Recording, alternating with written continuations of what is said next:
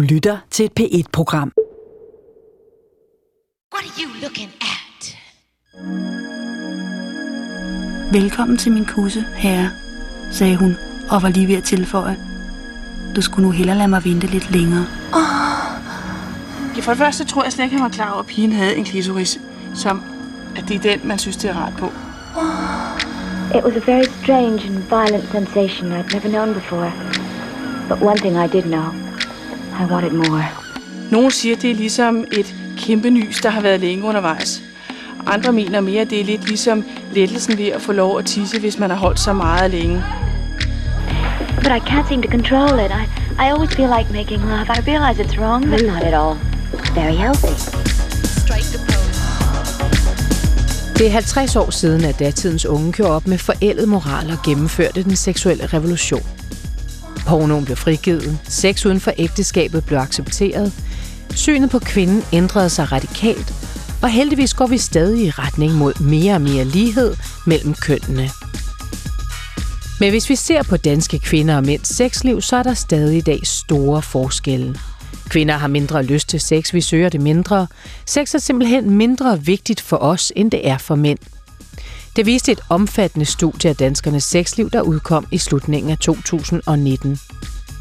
Ifølge Sexus, som studiet hed, mener kun 7 ud af 10 danske kvinder, at et godt sexliv er vigtigt. Mere end tre gange så mange mænd som kvinder har lyst til at have sex hver dag. Kvinder onanerer halvt så meget som mænd. Kvinder ser langt mindre porno end mænd. Og kvinder får meget færre orgasmer end mænd. I denne programserie undersøger jeg over fem afsnit, hvorfor der er den forskel, og hvad vi skal udlede af tallene. For kan det her virkelig være rigtigt? Er vi bare forskellige? Passer det der med Mars og Venus virkelig, eller er det noget forældet sludder? Har vi som kvinder måske bare lært, at det er rigtigst og klogest, og opfører os mindre liderligt og mere flematisk, når det kommer til sex? Mit navn er Anne-Sophie Allerup, og du lytter til Er der liv på Venus?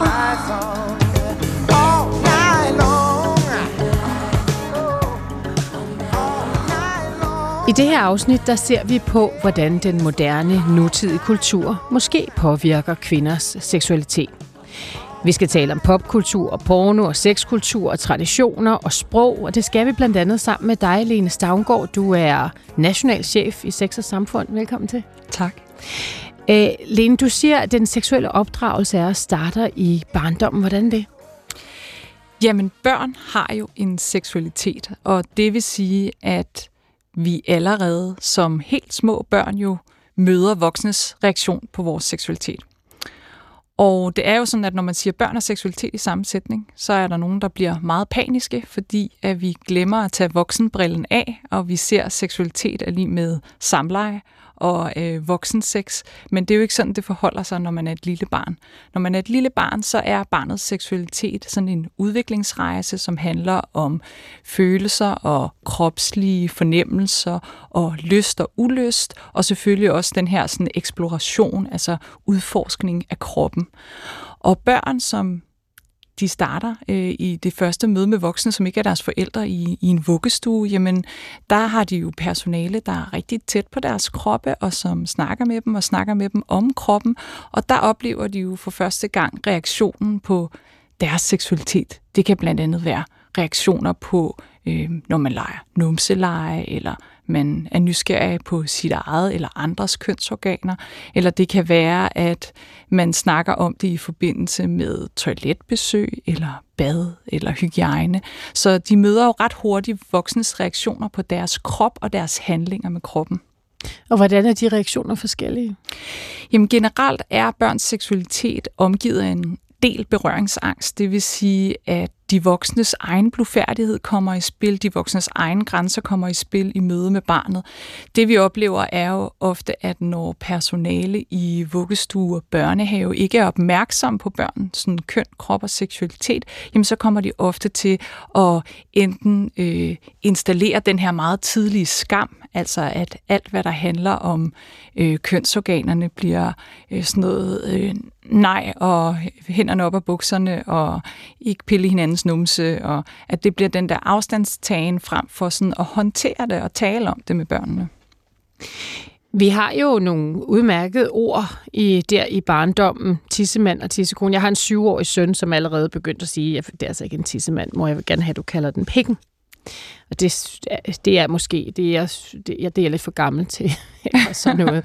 Øh, hvad betyder de ord, vi bruger om børns kønsdel? Jamen, det betyder jo faktisk en del, fordi at børns kønsdel jo bliver ligestillet. Det vil sige, at det ikke er sådan, som man jo ellers oplever på mange andre sprog, at der er et ord for tissemanden, og så er der ligesom, øh, hvis du så ikke har en tissemand, jamen så er det øh, det, man siger, at du er så en, der mangler noget, eller ikke har noget, eller det er skjult.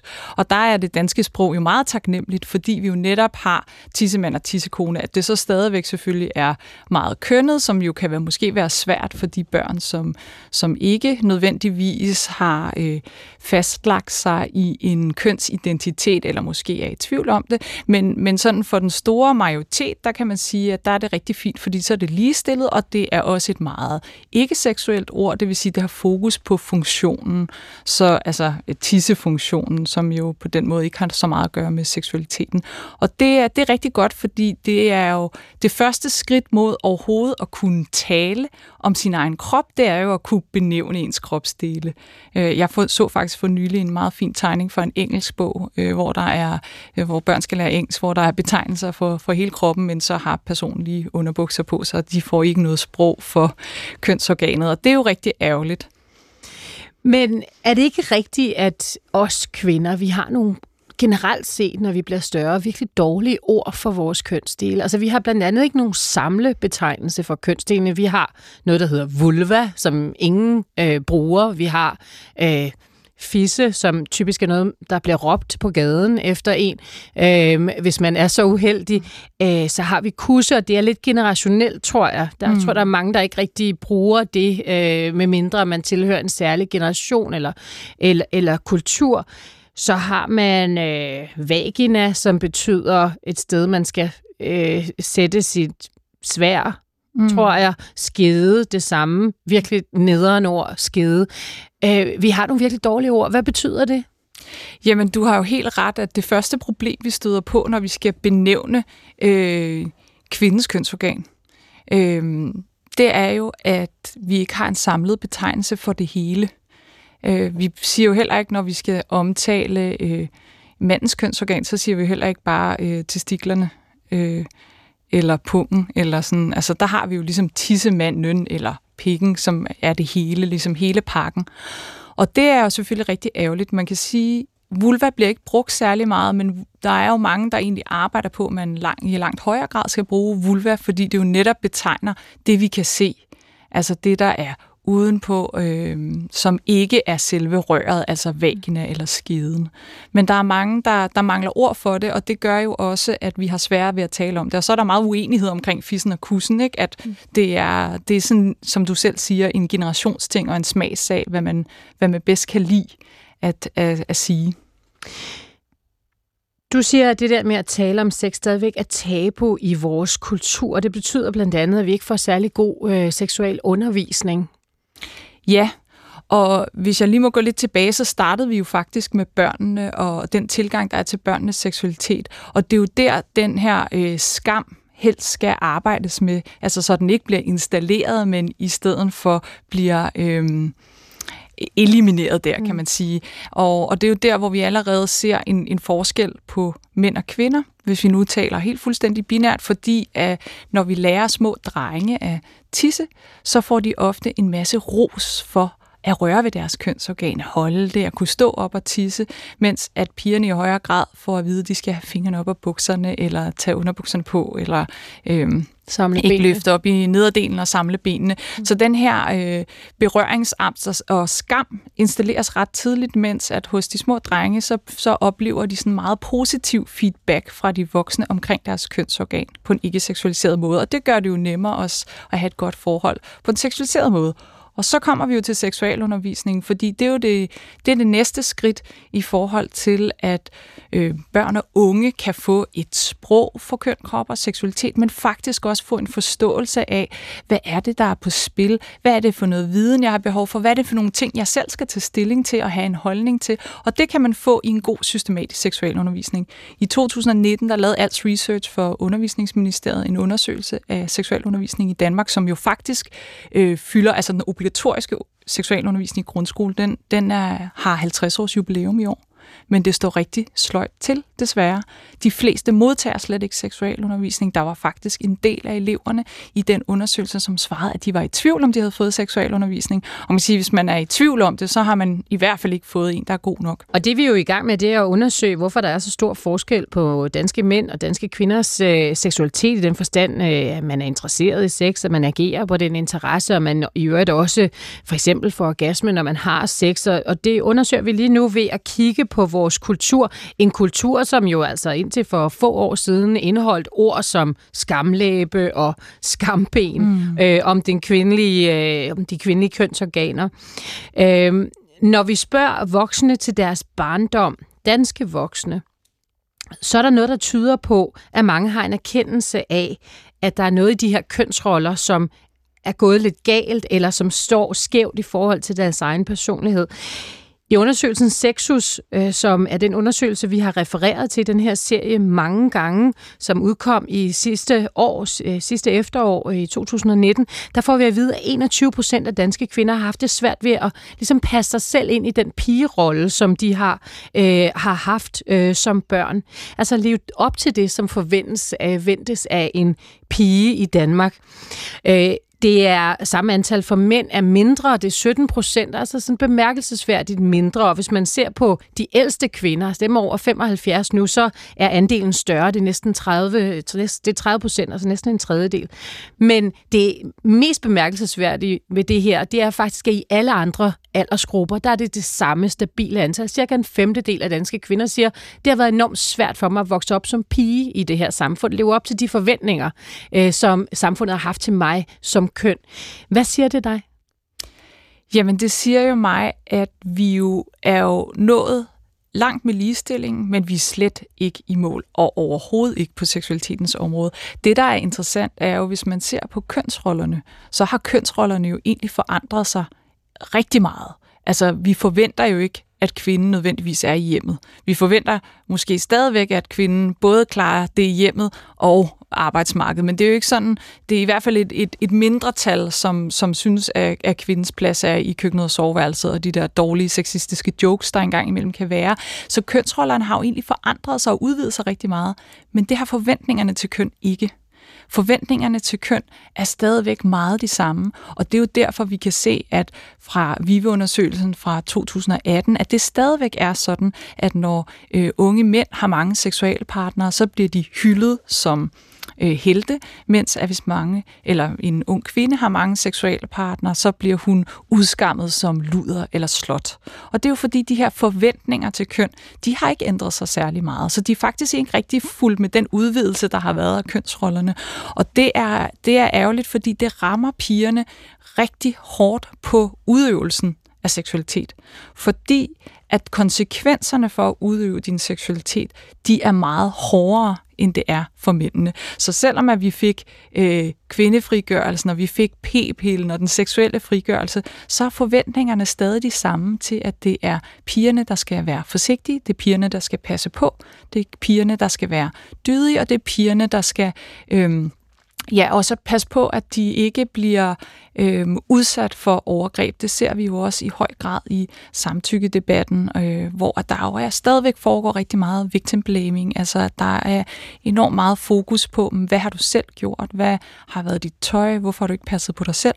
Og det er ærgerligt især, fordi det er en svær nød at knække på den måde, at der også sidder mange bekymrede forældre derude, det har vi i hvert fald i Sex og Samfund i høj grad også kunne se med samtalen omkring digitale krænkelser, at forældrene har svært ved at knække den der nød, der hedder, mm, jeg bliver da nødt til at sige til min teenage-datter, hun ikke skal tage nøgenbilleder, fordi det er farligt. Og det er jo ærgerligt, fordi så vokser pigerne op med den her følelse af, at deres seksualitet er farlig. Mm. Det er jo rystende at høre, synes jeg at man stadigvæk har denne her forståelse af sig selv og forståelse af kvinden, af den unge kvindes øh, seksualitet, som noget, der skal balancere der mellem at være ligesom fræk nok og ikke for fræk. Mm. Hvordan klarer de unge kvinder det her? Heldigvis så har vi jo en masse kompetente unge mennesker, så det er også vigtigt, at vi ikke kommer til at tale om dem som nogen, der ingen agens har eller ingenting kan. Vi ser jo blandt andet øh, i langt højere grad aktivisme og i langt højere grad unge, der selv øh, kræver at øh, have ret til at være den, de er, uanset om vi taler heteroseksuelle unge piger eller LGBT plus personer. Altså vi ser i langt højere grad aktivisme. Altså jeg har stort håb for den nye generation. Jeg tror efterhånden, jeg næsten har opgivet min egen, men det... Hvor øh, gammel er du, Lene? Jamen jeg er 36, mm. øh, og jeg har jo også været den unge generation, men der er, der er et stykke vej endnu, før at, øh, at vi ikke bare reproducerer stereotyper og reproducerer øh, forventninger, også til køn, men bestemt også til, hvordan man har rigtig sex og alle mulige andre ting. Vil de kunne få noget ud af sådan et program her, de unge? Ja, jeg tænker, at det er altid rigtig godt at høre en, en åben snak om seksualitet, fordi det er noget af det, der mangler i vores samfund, at vores samfund er jo ikke øh, sådan nyputianistisk på den måde, at vi ikke ser øh, øh, sådan seksualisering eller nøgenhed eller sådan noget. Der kan vi finde meget øh, ringere eksempler øh, ude i verden, ikke engang så langt væk fra os. Men, men det vi ser, det er stadigvæk den der meget stereotype øh, samtale om sex, altså den der, hvor at man enten taler om, når det går rigtig godt, Altså når man er rigtig god til sex, eller det hele bare lykkes, altså hvor man ikke taler om det svære eller det sårbare. Eller også så taler vi helt over i, når det er gået helt galt. Altså vi kan godt have en samtale om, øhm, om digitale sexkrænkelser eller voldtægt eller sådan noget. Vi har ikke den der nuancerede samtale med hinanden, hvor vi for det første øh, gør det på et oplyst grundlag, og for det andet ikke bare sådan reproducerer ting, som vi selv har erfaret. Mm. Der er jo noget, der tyder på, at vi i Danmark har nogle lidt smalle krav og kriterier for, hvad der er rigtigt og hvad der er normalt. Øh, I hvert fald så er det sådan, at de unge kvinders forhold til deres krop øh, er øh, bemærkelsesværdigt internationalt set øh, dårligt. 13-15-årige danske piger øh, er i den undersøgelse, den internationale undersøgelse, som hedder BSC-undersøgelsen øh, Health Behavior in School Age Children, står det for. De rapporterer, at halvdelen af dem føler sig for tykke, hvor andelen, der faktisk er for tykke, er cirka 10 procent. Mm. Og det er jo, der ligger de faktisk næsten top 5 øh, øh, på den her store, brede internationale undersøgelse af, en, af 42 lande. Øhm, hvordan kan det være, at vi har sådan et hårdt pres på kroppen, og hvordan påvirker det en ung kvindes øh, seksualitet, at man øh, har den type forvrænget billede af sig selv?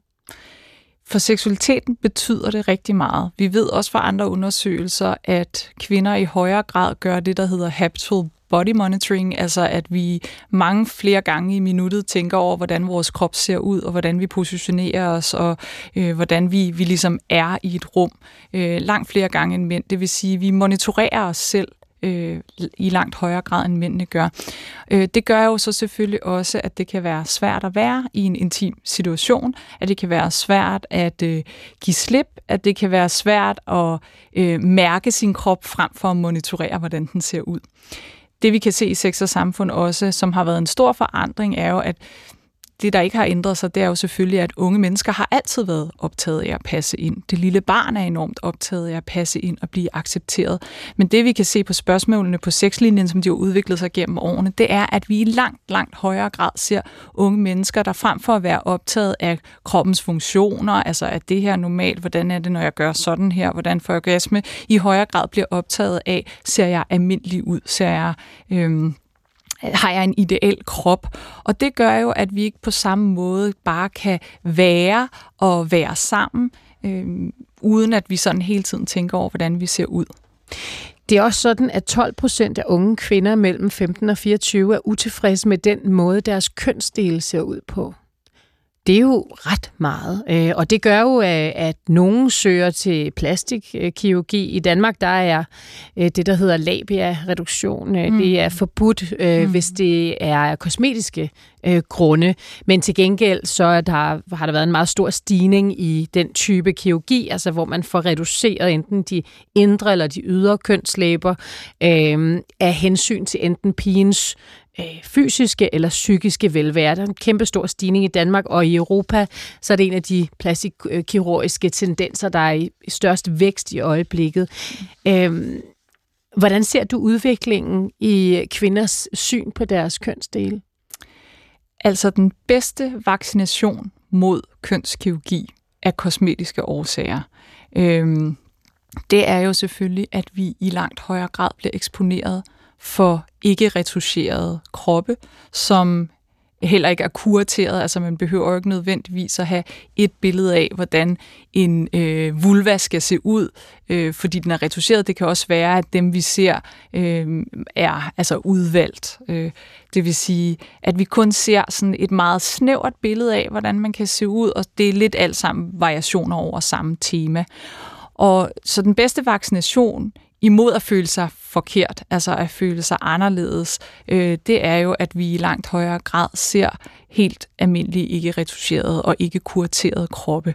Men lige præcis på øh, sådan vulva-området, der er det jo lidt svært, fordi der kommer der jo så alligevel en, en censur ind, hvor at det, i pornografien er der jo frit løb, men, men vi ser jo ikke en, en øh, vulva i en almindelig Hollywood-film eller sådan noget. Der er vi bare for bonerte, og det gør så også, at pornografien nogle gange får lov til at stå meget alene, samtidig med, at man også skal huske, at pornografi er enormt mangfoldig. Altså sådan, hvis du vil finde et eller andet, så, så er det lavet i porno. Altså sådan alt, alt, der findes i verden, findes i porno også. Men det det, som er gratis, og det, som er mainstream og sådan noget, det er meget variation over samme tema. Så det er ja, en vigtig ting, det der med, at, at unge også kan få et billede af forskellige kroppe, mangfoldige kroppe. Det betyder rigtig meget for opfattelsen af os selv. Altså en god tur i svømmehallen med sine, øh, sine unge mennesker er, er godt at vedligeholde øh, gennem hele opvæksten, fordi det er der et af de få steder tilbage, hvor at vi kan se andre kroppe som ikke er seksualiseret, som ikke er retuscheret, ikke er kurateret. Der er jo meget stor forskel på oral sex, altså hvem der giver og hvem der modtager mm. øh, blandt de unge. Hvordan indvirker det unge pigers øh, for, forhold til deres egne kønsdele, at det typisk er dem, der giver oral sex og ikke modtager oral sex? Jamen det påvirker jo os på den måde, øh, at for det første hvad vi egentlig tænker, at vi skal gøre, når vi er sammen med nogle andre. Altså det der med øh, manuskripter for, hvad rigtig sex er, og hvordan vi skal agere. Fordi når vi ikke selv bare kan helt frit øh, øh, undersøge og, og være frie mennesker og øh, ligesom gøre de ting, vi nu kunne finde på eller have lyst til, så følger vi nogle ret stramme manuskripter for, hvordan vi har sex øh, for hinanden. Det var to sociologer fra 70'erne, Simon og Gagnon, der første gang beskrev det her med de seksuelle manuskripter. Og man kan sige, at der er jo manuskripter for alt socialt adfærd, og noget af det er rigtig smart, fordi det gør, at vi kan agere i samfundet, at vi ved, når vi øh, sætter os på en bar eller går ind på en restaurant, så ved vi, hvordan vi ligesom skal øh, agere, altså at vi kan i nogle restauranter, så kan vi godt aflæse, om her der går jeg bare ind og sætter mig et bord, og så skal jeg gå op i baren og bestille, eller på den her restaurant, der ved jeg godt, der skal jeg vente på, at der kommer en tjener og giver mig en plads, og så skal jeg få et menukort, og så skal jeg bestille. Altså, der er manuskripter for alt, vi gør, som der ikke nødvendigvis er nogen, der har fortalt os, bum, bum, bum, sådan her er det. Øhm, og med sex er det på samme måde. For det første, den har meget stærke diskurs om, at rigtig sex er penetrerende samleje. Og det, man ved jo også godt, der ikke kun findes heteroseksuelle personer, men det bliver så også overført på sådan, øh, altså samkønnet sex. Det vil sige, at man forestiller sig også, at hvis der er to kvinder, der er sammen, ja, så må den ene være top, og den anden må være bottom, og, og den ene må, du ved ikke, bruge en dildo, eller sådan. Altså, vi har de her meget sådan snævre forestillinger omkring, hvad sex og intimitet er. Og det påvirker påvirker os jo rigtig meget, fordi vi ikke prøver noget nyt, og så bliver vi skamfulde. Altså det der med, hvis vi hele tiden ser, at når blowjobs, det er noget, man giver, men, men vi ser ikke et, et, et ligjob. jamen så tror vi ikke, at det er noget, man kan, eller noget, man kan spørge om, eller det er noget, der sådan er meningen. Det svarer til, at øh, jeg går ind øh, på en restaurant og råber, jeg sætter mig her. Altså sådan, det kunne man jo godt gøre, men, men folk vil være sådan et, hold da op. Ikke? Og jeg tror, der er mange, der, der er bange for de der øh, reaktioner, fordi så er det nemmere at igen at passe ind og, og gøre det, der ligesom forventes at gøre. De her kulturelle forestillinger om, hvad sex er, manuskriptet, mm. i et hoved, som er 15 år gammelt for eksempel, hvordan opstår det? Hvordan er det, at en 15-årig, 16-årig, 17-årig, nu ligger debutalderen i Danmark jo ret stabil, har gjort det mm. siden 60'erne, viser studiet også, sexustudiet, det er omkring 16 års alderen. Øhm, hvad er det, man øh, inde i sådan et hoved øh, forventer, tænker, at sex er? Og hvordan kommer det derind? Jamen, det kommer ind på mange forskellige måder. Det kommer jo ind på, hvordan vi har mærket voksne reagerer på vores egne øh, tanker, krop, følelser. Det kommer ind på, øh, det, det kommer ind ved, at vi ser, hvad, hvad er der af øh, kulturelle produkter, hvordan behandler det seksualiteten? Altså, hvornår ser man sex på film, øh, som måske ikke, altså øh, i pornografien, det er jo også tit der, hvor at unge mennesker kan opsøge øh, viden, selvom de også er i stand til at se, at der er forskel på fantasi og virkeligheden. Men nogle af de ting, der bliver reproduceret i pornografi, bliver faktisk også reproduceret i Hollywood-film. Altså, at det er manden, der skal være den handlende, og kvinden, der skal være den modtagende. Så der er jo, der er jo virkelig mange ting omkring sex og seksualitet, som vi også ser i film. Og så er der jo også meget markant det, vi ikke ser. Altså, nu snakker vi om vulvaen før, som jo ikke er særlig repræsenteret. Men hvis man ser på sådan noget som onani i film, så de gange, hvor onani er med som en del af fortællingen, så er det ofte sådan, at den øh, sådan mandlige onani, det bliver, det bliver brugt i sådan fortællingen som noget, der skal vise et lidt øh, slet karaktertræk. Altså, at det er sådan den lidt ulækre, afhængige, grænseløse. Altså, sådan, det, det er ofte det, det bliver brugt som middel. Og den kvindelige øh, onani er ofte usynlig, det vil sige, det er meget sjældent, den er med på film. Og hvis den er med på film, så er den meget sådan romantiseret og tildækket og under dynen.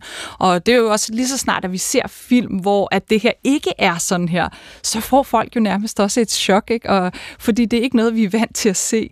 Og derfor så er der bare øh, rigtig meget sådan kulturproduktion af vores seksualitet også. Og så er det klart, så er der jo vores samtaler omkring sex og debat omkring sex, som jo ofte er meget unuanceret og handler om, at når man, man ved noget om sex, hvis man selv har haft det, og det er jo derfor, når man snakker med sine venner, eller hvis man hører voksne tale sammen, så er de også med til at reproducere øh, alle mulige myter omkring seksualitet, og vi kan jo nævne utallige myter, altså myter om møder, myter om, hvordan man skal agere, alle mulige myter, der bliver reproduceret, fordi dem, der taler om det, ikke taler om det ud fra et vidensgrundlag, men ud fra et erfaringsgrundlag. Faktisk er det 10 procent af danske kvinder, som direkte skammer sig over at onanere, mm. øh, ifølge den her sexusundersøgelse. Men er vi også, os kvinder, bare meget dårlige til at tale sammen om vores seksualitet? Jeg lavede et opslag på Facebook, øh, kan jeg godt afsløre, øh, vedrørende ty- forskellige typer af orgasmer. Og jeg må sige, at det er noget af det bedste, der er sket øh, på min Facebook-væg øh, nogensinde. Øh, nærmest, altså folk var meget øh, villige til at dele deres egne personlige erfaringer med den slags. Og det er vi jo ikke specielt gode til. Altså, vi kan godt, øh, også kvinder, tale om, øh, hvad mænd har mellem benene, men vi er jo ikke så gode til at snakke om, hvad vi selv har at gøre. Eller hvad? Nej, det er vi ikke så gode til generelt, at det kan jo selvfølgelig variere meget fra, fra individ til individ, altså at der jo er mange, både mænd og kvinder, der oplever, at de kan tale med, med deres nærmeste venner, eller øh, kan diskutere det her med en partner, men som sexundersøgelsen jo også viser, så både det her med onani kan være skamfuldt, men faktisk også pornoforbrug, at der er både mænd og kvinder, som ikke har lyst til at fortælle deres partner, at de ser porno. Så der er ret stor tabu og skam omkring den der gode, reelle samtale om seksualitet. Og så kan man også sige, at noget af det, som... Øh, som kan være lidt kompliceret. I, altså, det er jo igen, at når vi så taler om det, så taler vi stadig om det ud fra personlige erfaringer. Personlige erfaringer er vidnesbyrd, men ikke videnskab, og det gør jo, at mange af de her samtaler øh, jo også hurtigt kan komme ud af en øh, tangent, hvor vi egentlig igen bare reproducerer en hel masse stereotyper. Altså, der er en grund til, at øh, myten om mødommen, den... Øh, Øh, den blev behandlet ret grundigt i, i Sverige 15 år før, at vi nogensinde havde den snak i Danmark. Og myten om mødom er, at der faktisk ikke findes en mødom. Ja, og at mødom i hvert fald ikke er sådan en, øh, en væg, der skal gennembrydes inde i øh, skeden, men at det er en slimhindefold, som i mange tilfælde faktisk slet ikke øh, går i stykker eller bløder første gang, man har sex. Sexusundersøgelsen øh, viser i høj grad, at man stadig er udsat i dag i Danmark, hvis man ikke falder ind i den heteroseksuelle norm. Mm. Øh, hvordan kan det være, at vi stadigvæk er så hårde over for øh, unge mennesker, som falder uden for den der heteronorm? Ja, det er jeg også rigtig ked af, at det stadig er sådan, for at være helt ærlig, fordi det tænker jeg i Danmark, vi kunne gøre langt bedre. Og Sexus viser jo meget tydeligt, at er man LGBT plus person, jamen så øh, har man også øh, langt dårligere trivsel. Øh, både i forhold til øh, sådan diskrimination, men selvfølgelig også i forhold til, hvordan man sådan generelt går, går og har det. Mm. Og man kan sige, at Danmark er jo egentlig kendt for frisind og rummelighed. Øh, og det synes jeg er noget, vi skal vægte langt højere, og egentlig også give plads til øh, nogen, der er anderledes end dig selv. Mm. Det er virkelig vigtigt. Men der er vi bare ikke endnu, og det handler jo igen om, at vi har ret snævre normer for, hvordan vi skal være køn, hvordan vi skal have, altså udøve vores seksualitet, og hvordan vi skal være sammen med hinanden. Og det giver bare ikke særlig meget plads til at falde ud for normen. Og der er også mange, som reagerer enormt stærkt på det, når man taler om det. Det er virkelig en polariseret diskussion, som kan være svært at få nuancerne i, fordi at der jo stadig kommer mange sådan fordomme om, at hvis man taler om øh, normkritik, eller hvis man taler om, at verden er bredere end det binære, eller verden er større end det heteroseksuelle, så er der nogen, der føler, at de mister noget af sig selv, hvis de skal give plads til noget, der er anderledes. Og man kan sige, ægte frisind, det er, når du respekterer og accepterer noget, du aldrig selv kunne finde på. Det er mm. ægte frisind. Frisind er ikke at tolerere, at der er nogen, der er anderledes. Øh, frisind, ægte frisind er jo, når du, kan, når du kan respektere og faktisk acceptere, at der er nogle andre, der vil og gør og er noget andet, end du selv er. Så det skal vi blive langt bedre til. Hvad betyder det for unge lesbiske og andre øh, kvindelige seksuelle minoriteters øh, seksuel udvikling i dag? Jamen, det betyder jo enormt meget, fordi som vi snakkede om øh, i hele det her program indtil videre, har jo været, at der er en, en, en kønsskævhed, altså at kvinders seksualitet er ikke fuldstændig frisat. Hvis du så oven i det er lesbisk, jamen så arbejder vi jo med et, et dobbelt tabu på en eller anden måde.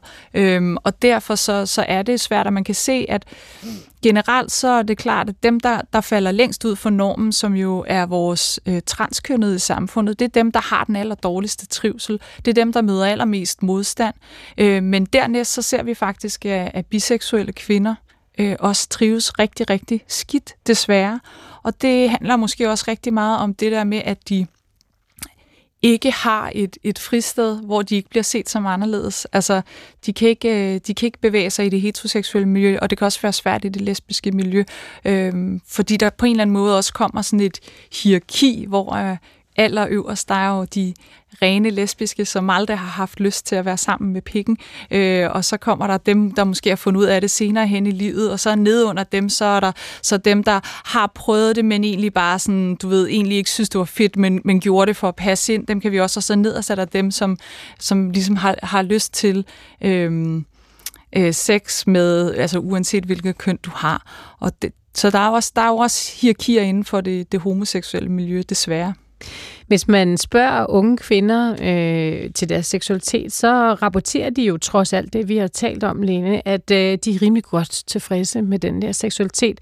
Men så er der en amerikansk forsker, øh, som hedder Sarah McClelland, øh, som øh, er fra University of Michigan, som siger, Jamen det er også fordi kvinder har øh, dels en lavere forventning til sex, men også dels en langt bredere og helt anderledes forventning til den sex, de nu skal have end mænd, som typisk går ind i øh, seksuelt samleje med forventning om at få en udløsning. Mm. Øh, og, og det er det. Hvad er det, øh, hvad er det kvinder øh, regner med at, at opnå ved sex, og hvorfor er det, det ser sådan ud?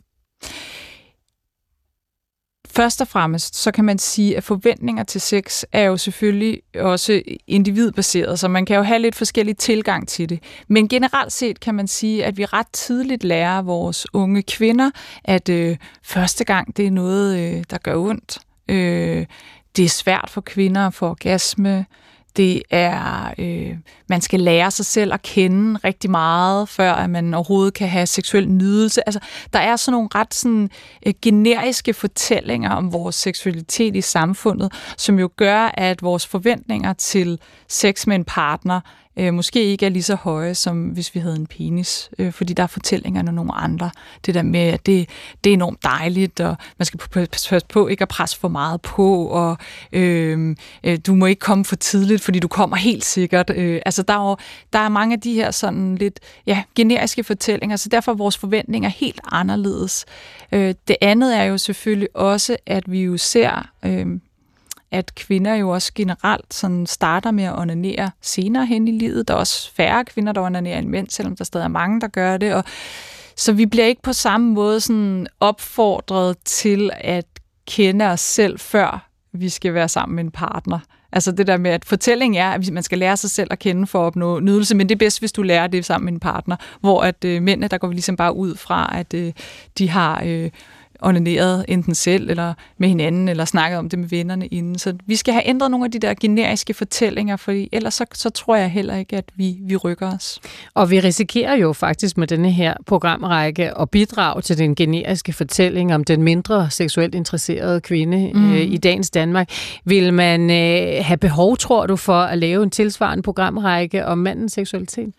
Det kunne man sagtens, og jeg synes, at hvis der skulle øh, belyses noget omkring mandens seksualitet, så er det i hvert fald rigtig vigtigt at kigge på sådan noget som maskulinitetsidealer i forhold til, hvad for et pres, der også ligger på mænd.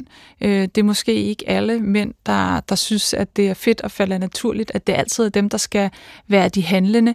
Det kan være rigtig svært at tale om øh, netop det sårbare, altså når man øh, ikke oplever at have lyst, eller man ikke oplever at have øh, erektion, eller man ikke oplever at få orgasme eller udløsning. Og det er jo også det, at vi har jo altid koblet orgasmen og udløsningen meget tæt på manden, men det er også rigtig vigtigt at forstå, at når en mand har udløsning, så har han ikke nødvendigvis orgasme, og omvendt, at han kan faktisk også godt få orgasme uden at have udløsning.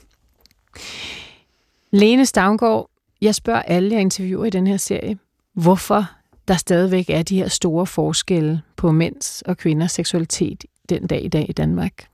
Hvad synes du? Hvad tænker du?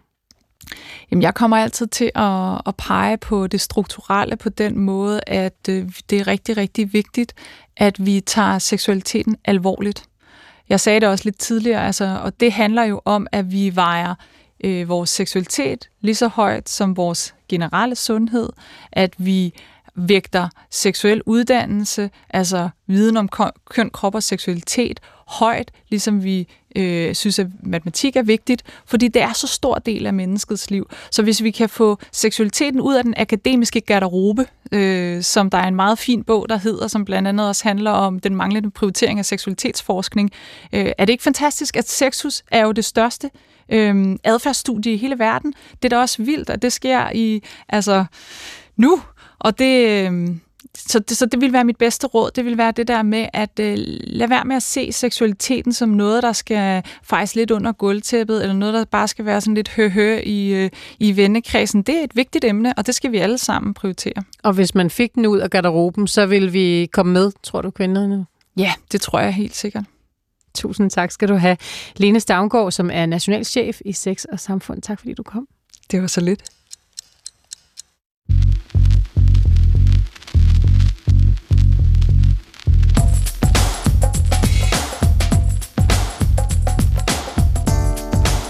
Sex er kultur, og det næste, vi skal tale om, er den moderne kvindes seksuelle fantasier og hendes datingliv og sexliv.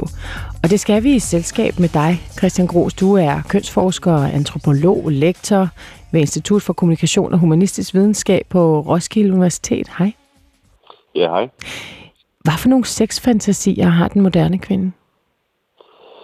Ja, øh, altså nogle af de mest udbredte fantasier øh, hos den moderne kvinde, det vil nok, øh, det vil nok overraske en del. Øhm, altså den mest udbredte, den, er, den vil nok ikke overraske. Den, er, den handler ofte om, øh, om øh, sådan øh, romantik, romantiske rejser øh, eller fantasier om en partner. Men, øh, men dernæst så kommer der altså nogle, nogle for mange lidt overraskende øh, fantasier, der øh, ofte handler om, om, om dominans blandt andet.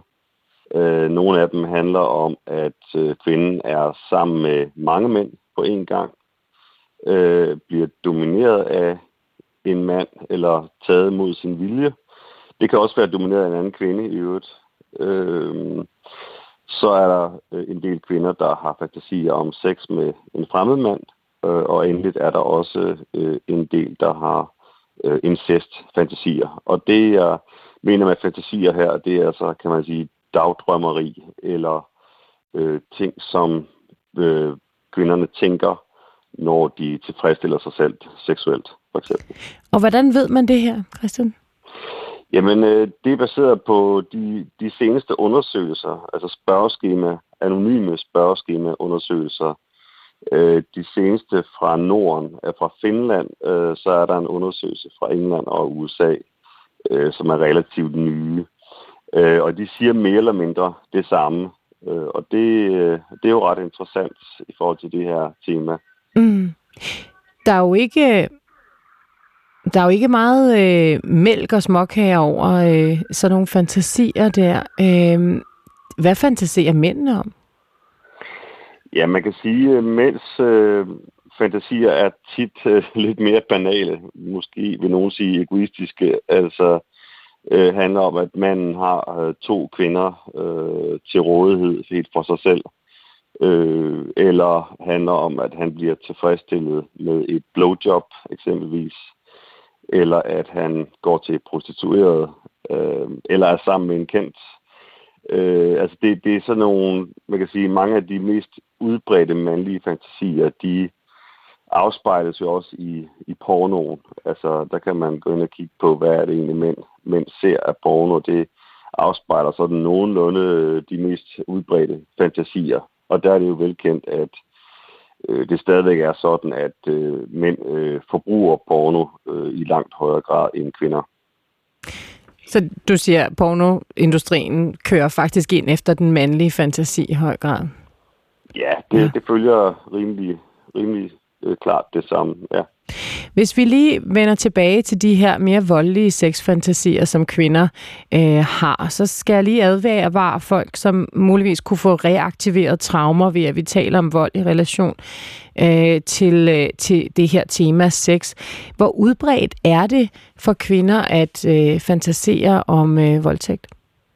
Altså voldtægtsfantasien er ifølge de her undersøgelser meget øh, udbredt. Øh, og øh, det varierer imellem øh, i de målinger, der er, det er øh, 30% til 50% øh, af alle kvinder, der har haft øh, øh, en eller flere voldtægtsfantasier, øh, altså i løbet af deres liv, og nogen har øh, adskillige. Øh, så det, det, er, det er meget udbredt faktisk. Det er jo ikke et ønske om at blive voldtaget.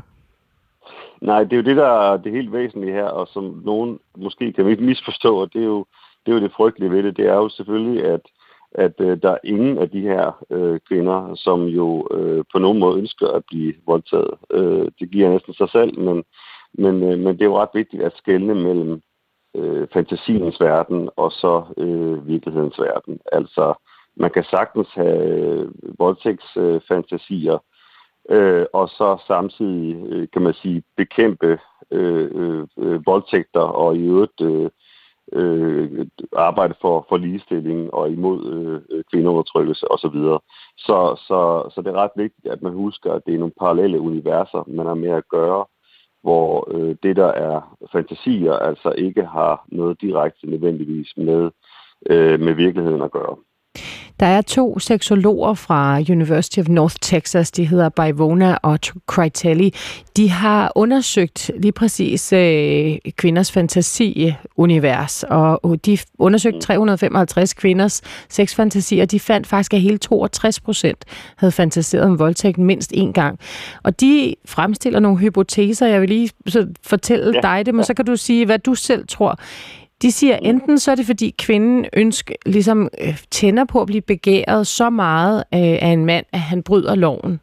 Øh, det er den ene hypotese, de fremstiller, og så siger de, at der er sådan noget med frygt og sex. Altså, at hvis man måler for eksempel, hvor, hvor meget man tænder på et andet menneske, lige efter man har været oppe i øh, en rusjebane i Tivoli for eksempel, så er, der, så er man mere bredt seksuelt interesseret bagefter. Altså, at vi har sådan nogle overlappende, mm. måske centre i hjernen, der ligesom kombinerer frygt og sex.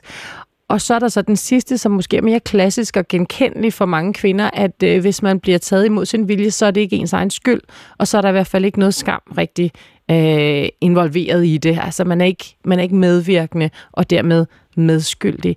Hvad får du ud af sådan nogle hypoteser? Hvad tror du er rigtigt? Mm, jamen jeg kan godt øh, genkende dem. Øh, altså skamhypotesen vil jeg sige, jo, men den, den er jo delvis rigtig øh, på den måde, at øh, øh, altså skam stadigvæk er, er, er en følelse i forhold til seksualitet, som øh, rammer kvinder i langt højere grad end, end mænd. Øhm, så der kan man selvfølgelig læse det på den måde, at øh, når man fantaserer om voldtægt, så er det et, ikke ens egen skyld. Øh, jeg, jeg, jeg, jeg tænker, at det måske er mere interessant i virkeligheden at se på, hvordan øh, det at, at, at have de her fantasier også er en måde at måske finde et, et, et helle i, øh, i et samfund, som har øh, en, en række ligestillingsidealer, øh, som man jo godt kan kæmpe for i, i hverdagen, men hvor man også kan, netop fordi sindet, seksualiteten, begæret er så, øh, så divers, som det er, at der, der er nogle, nogle, nogle, nogle rum, man kan gå ind i, øh, helt alene for sig selv, som ikke vil blive accepteret ude omkring eller ude i samfundet. Øh, der er også andre, der mener, at, at det er, altså voldtægtsfantasier er udtryk for en internaliseret øh, sexistisk øh, kultur. Øh, og den, øh, den tror jeg ikke så meget på. Det tror jeg alligevel, at, at kvinder har så meget fri vilje, at, øh, at de selv kan vælge deres fantasier. Når kvinder ser pornografi, så kan man måle det jo globalt, eller det har den øh, pornosite, som hedder Pornhub, det, det gør de, de offentliggør tit statistikker, og de kan måle på kvinder helt globalt, at øh, den aller, aller mest populære kategori blandt kvinder, det er det, der hedder lesbian. Det vil sige, altså det er to eller flere kvinder, der er sammen øh, seksuelt. Øh, og jeg ved fra en pålidelig kilde, at øh, det ikke har så meget med virkelighedens lesbiske sex at, at gøre, den her kategori. Ja. Øh, men altså kategorien er en meget klar vinder. Og det er jo selvfølgelig lidt overraskende, eftersom at langt, langt de fleste kvinders sexliv har, øh, hvis det udfoldes, så udfoldes det med, med en mand. Overrasker det dig, at øh, det er så spændende for os at se på kvinder sammen? Nej, øh, slet ikke. Det, øh, altså man kan sige, helt sådan kulturhistorisk, øh, så øh, er der meget, der peger på, at det øh, mange steder i verden har det været sådan, at øh, altså begæret har været lige så meget rettet øh, imod øh, det samme køn, eller også særdeles blandt kvinder, øh, kvinde til kvinde, end, end, end til mand. Så det, det kommer slet ikke øh, øh, bag på mig, og øh, øh, ja, det viser sig nemlig også, at, at i, i forhold til fantasier, ikke, at, øh, at, øh, at rigtig mange kvinder, øh, måske ovenkøbet to tredjedel halve kvinder, har haft en, en idé om, eller fantasi om at være sammen med en anden kvinde. Så det, så det kommer ikke bag på mig. Og der er en tredjedel ifølge sexusundersøgelsen, som konkret ude i virkeligheden har oplevet sig øh, tiltrukket ja. af, af en anden kvinde, også øh, af os øh, danske kvinder. Øhm, og som sagt er der jo stor forskel på det fantasiens univers, og så det levede liv. Øh, hvis du skulle sætte ord på den måde, kvinder dater mænd i dag, øh, hvad skulle det så være? Ja, øh, forskel fra tidligere, kan man sige, det, og det gælder faktisk både kvinder og, og mænd, men, men det er jo, at, øh, at øh, altså, den måde, man dater på er gået online. Øh, en del af, af datingen foregår blandt andet over, øh, over Tinder, Øh, der er selvfølgelig også mere klassisk dating, hvis man kan sige på den måde. Øh, men, men det er i hvert fald, øh, populærkulturen er, er ligesom gennemsyret af, at, at, at Tinder som den form, man gør det. Hvordan er kønsrollerne i sådan et øh, elektronisk datingliv?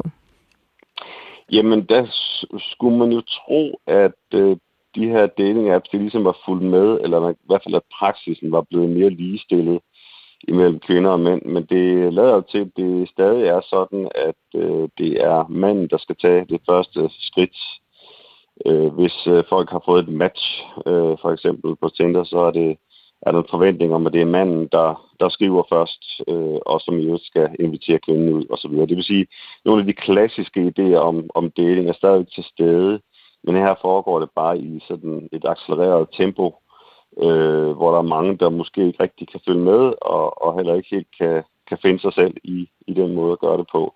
Men alligevel fortsætter, fordi det ligesom er blevet, blevet normen for, for dating.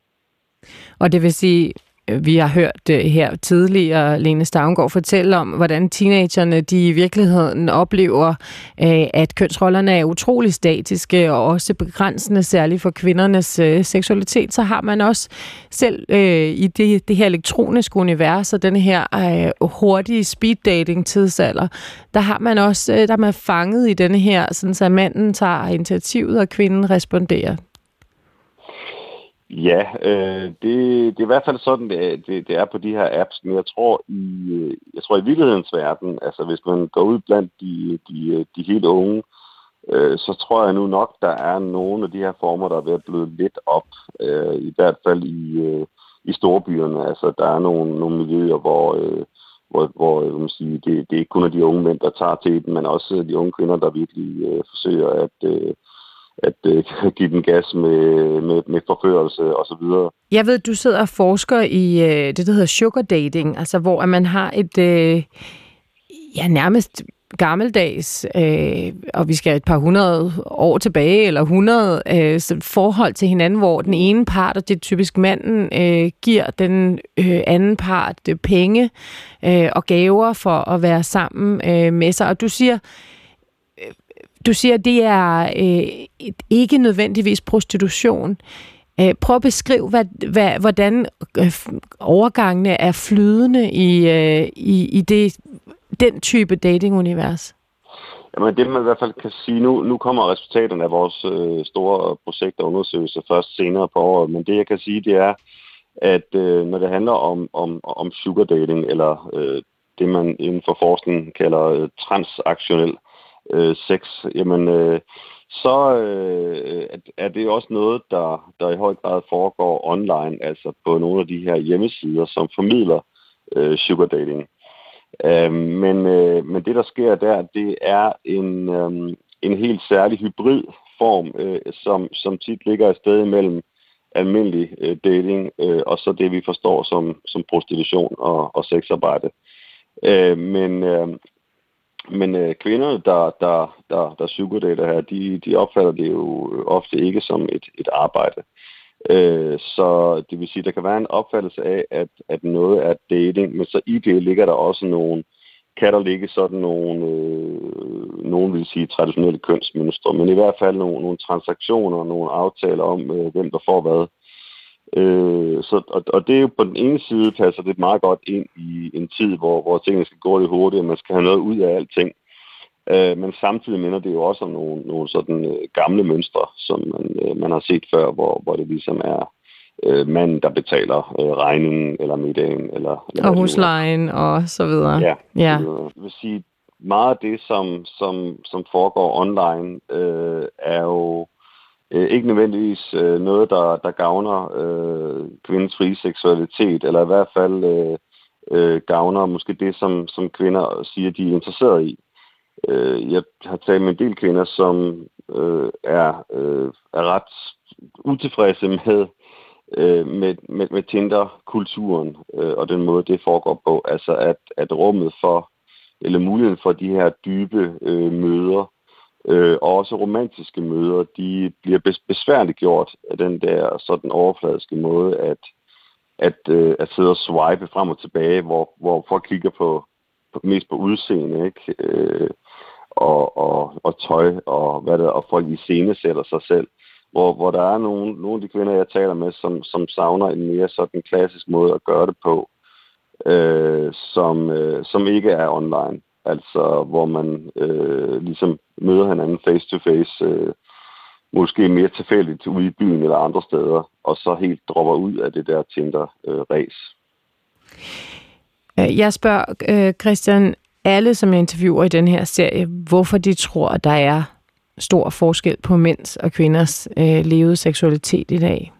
Hvad tror du egentlig er grunden til, at kvinder ikke giver den mere gas? At vi ikke er mere interesserede? Øh, at vi ikke opnår orgasme på samme måde som mænd osv.? Ja, altså ikke giver en mere gas. Jeg tror, jeg tror at øh, det her, altså lyderstigmaet, som jeg har beskæftiget mig med en del øh, øh, igennem tiden, det, det tror jeg er noget, der, der stadigvæk præger kvinders seksualitet øh, rigtig meget. Altså at øh, der er en frygt for at blive stigmatiseret, hvis man er for udfarende seksuelt, øh, eller hvis man på en eller anden måde ikke passer til, til, til normen. Øh, altså risikoen for udskamning er, er stor, og det er den sådan set stadigvæk. Øh, og der er en kolossal ulighed, fordi det øh, er noget, som mænd øh, øh, meget sjældent øh, oplever. Altså at blive udskammet eller at blive stigmatiseret for deres øh, seksualitet. De bliver jo, øh, mænd bliver ofte hyldet for at have, øh, have haft mange partnere, øh, for at have prøvet mange forskellige ting seksuelt, mens, øh, mens kvinder i, i nogle tilfælde i hvert fald bliver sat ned, øh, bliver sat ned på for at have gjort øh, det samme. Så jeg vil sige, at lyd og stigma er, er, er noget, en af de største sådan barriere for, øh, for, for, for kvindens, øh, hvad skal vi sige, øh, mere frie seksualitet i dag. Både kvinder og mænd er øh, øh, efter eller holder øje med øh, og regulere kvinders øh, seksualitet. Øh, det vil sige, hvis øh, en kvinde har øh, haft mange partnere i nogens øh, øjne, jamen så vil der både være andre kvinder og mænd, som ser ned på vedkommende. Øh, og, øh, og det gælder jo ikke for mænd. Så det vil sige, at der er en kæmpe barriere, der handler om, at, at kvinder lige på det her punkt er, er mindre øh, solidariske, end, end man måske kunne øh, eller skulle, skulle tro. Mm. Meget interessant. Tusind tak skal du have, Christian Gros, kønsforsker, antropolog og lektor ved Institut for Kommunikation og Humanistisk Videnskab på Roskilde Universitet. Tak fordi du var med. Det var så lidt. Og jeg synes, det er virkelig nedslående, at både Christian og Lene kunne bekræfte, at luderstigmaet lever i bedste velgående i dag i dagens Danmark. Tilbage i midten af det tredje århundrede, der øh, havde det indiske hovedværk om seksualitet, Kama Sutraen, det sådan, at luderstigmaet blev udvidet noget til at gælde mænd. Der var nemlig mænd ifølge Kama Sutraen, som end ikke var værdige til at betale for det. Det galt mænd, som skider orme, mænd med stinkende dårlig ånde, mænd, der elsker deres koner, mænd uden skam, tryllekunstnere og mænd, som tydeligvis er idioter og som ikke kan skælne en krænkelse fra en klapsalve. Således har man altid haft øh, domme over folk. Mit navn er Anne-Sophie Allard, og du har lyttet til serien Er der liv på Venus om kvinders seksualitet. Du kan finde alle fem afsnit af serien som podcast på DR's radio-app, eller der, hvor du plejer at hente dine podcasts. Tak fordi du lyttede med, og lad nu ikke statistikken begrænse dig derude i sommerlandet.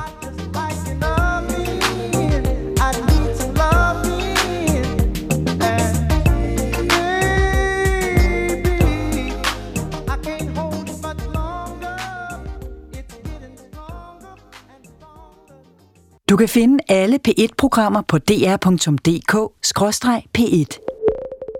Det giver mening.